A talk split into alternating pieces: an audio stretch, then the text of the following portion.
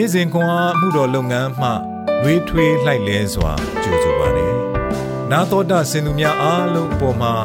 ဖျားရှင်ရဲ့ညီသက်ခြင်းနဲ့ကျေးဇူးတော်အပေါင်းတက်ရောက်တည်ရှိနေပါစေလို့ဆုမွန်ကောင်းတောင်းလိုက်ပါတယ်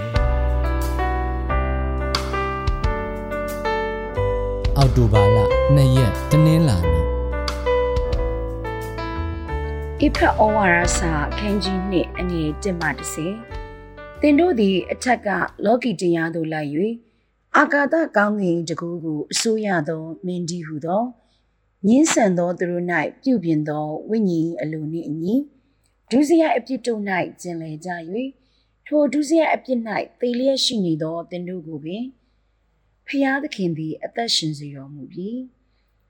ထိုညင်းဆန်သောသူတို့နှင့်တကွာငါတို့ရှိသမျှသည်အထက်ကကိုကာယ၏အလိုတို့၎င်း စိတ်၏အလိုတို့၎င်းလိုက်သဖြင့်ကာမဂုဏ်တို့၌ကျင်လည်သည်ဖြစ်၍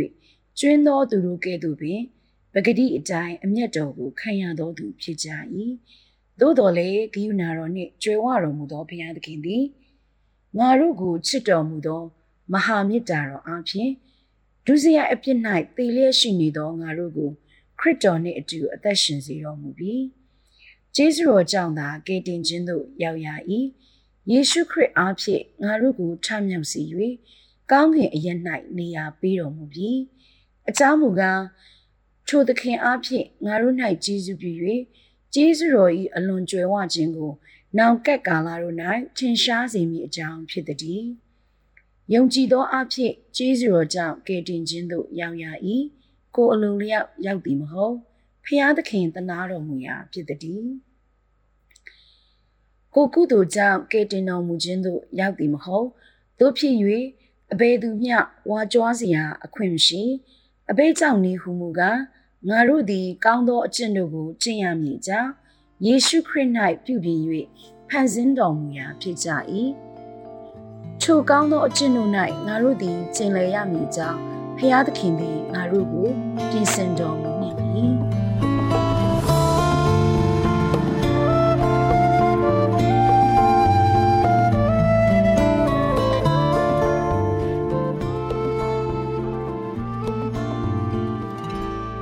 တို့သည် ကောင်းသောအကျင့်တို့ကိုကျင့်ရမည်အကြောင်းယေရှုခရစ်၌ပြုပြင်၍ဖန်ဆင်းတော်မူရာ ဖြစ်ကြ၏အေဖက်ဩဝါဒစာအခန်းကြီး2အခန်းငယ်30အတွင်း၌တည်ရှိသည့်ဂန်တွင်လက်ရာ The Atlantic စာအုပ်၌စာရေးဆရာ Arthur C Brooks ကကဘာတွင်တရုတ်အမှုပညာလက်ရာအများဆုံးစုဆောင်းထားသည့်နေရာတစ်ခုဖြစ်သောထိုင်ဝမ်နိုင်ငံရှိ National Palace Museum အမျိုးသားနန်းတော်ပြတိုက်သို့တွားလည်ခဲ့သည့်အကြောင်းကိုရေးသားခဲ့သည်ပြတိုက်လမ်းညွန်က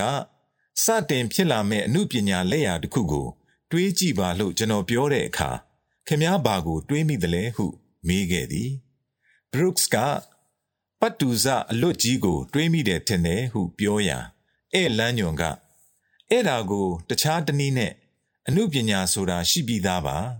အမှုပညာရှင်ရဲ့အလုတ်ကအဲ့ဒီအမှုပညာကိုဖော်ထုတ်ဖို့ဖြစ်တယ်လို့မြင်လို့ရသေးတယ်ဟု ဖြေခဲ့သည်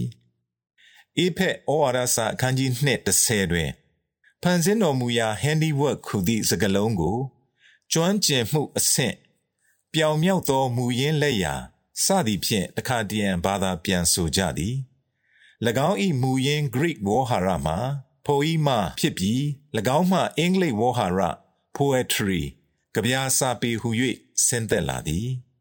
ဖျားသခင်သည်ကျွန်ုပ်တို့ကိုအမှုပညာလက်ရာအသက်ရှင်သောကြပြာအဖြစ်ဖန်ဆင်းခဲ့သည်သို့သောကျွန်ုပ်တို့၏လက်ရာက မပီပြင်ခဲ့ပါသင်တို့သည်ဒုစရိုက်အပြစ်၌ကျင်လည်ကြ၍ထိုဒုစရိုက်အပြစ်၌သေလျက်ရှိသည်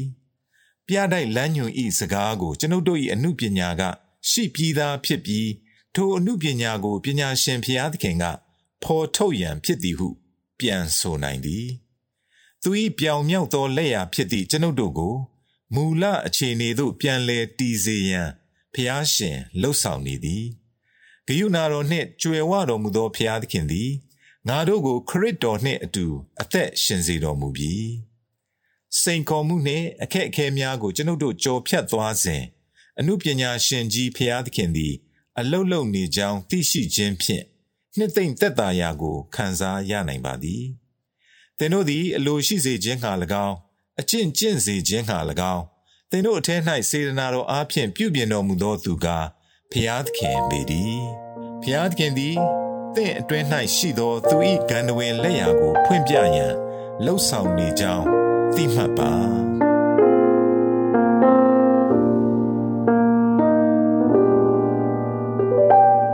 ဘုရားသခင်လက်ရာတော်အနေဖြင့်သင်သည်မြည်သည့်နီလန်းဖြင့်မှေးမှိန်နေပါသည်။ယခုလက်တလောတွင်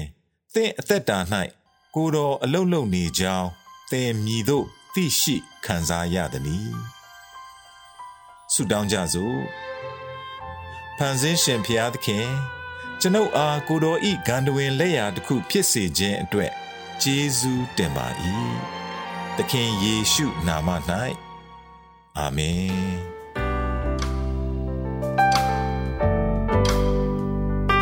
နေ့စဉ်ခွန်အားကိုနာတော်တာဆင်သူအားလုံးဘုရားသခင်နှုတ်ပတ်တော်မှဉာဏ်ပညာတော်များကိုရရှိပိုင်ဆိုင်လျက်ပုံမပြည့်စုံကြွယ်ဝသောဘဝအသက်တာများဖြစ်တည်နိုင်ကြပါစေ။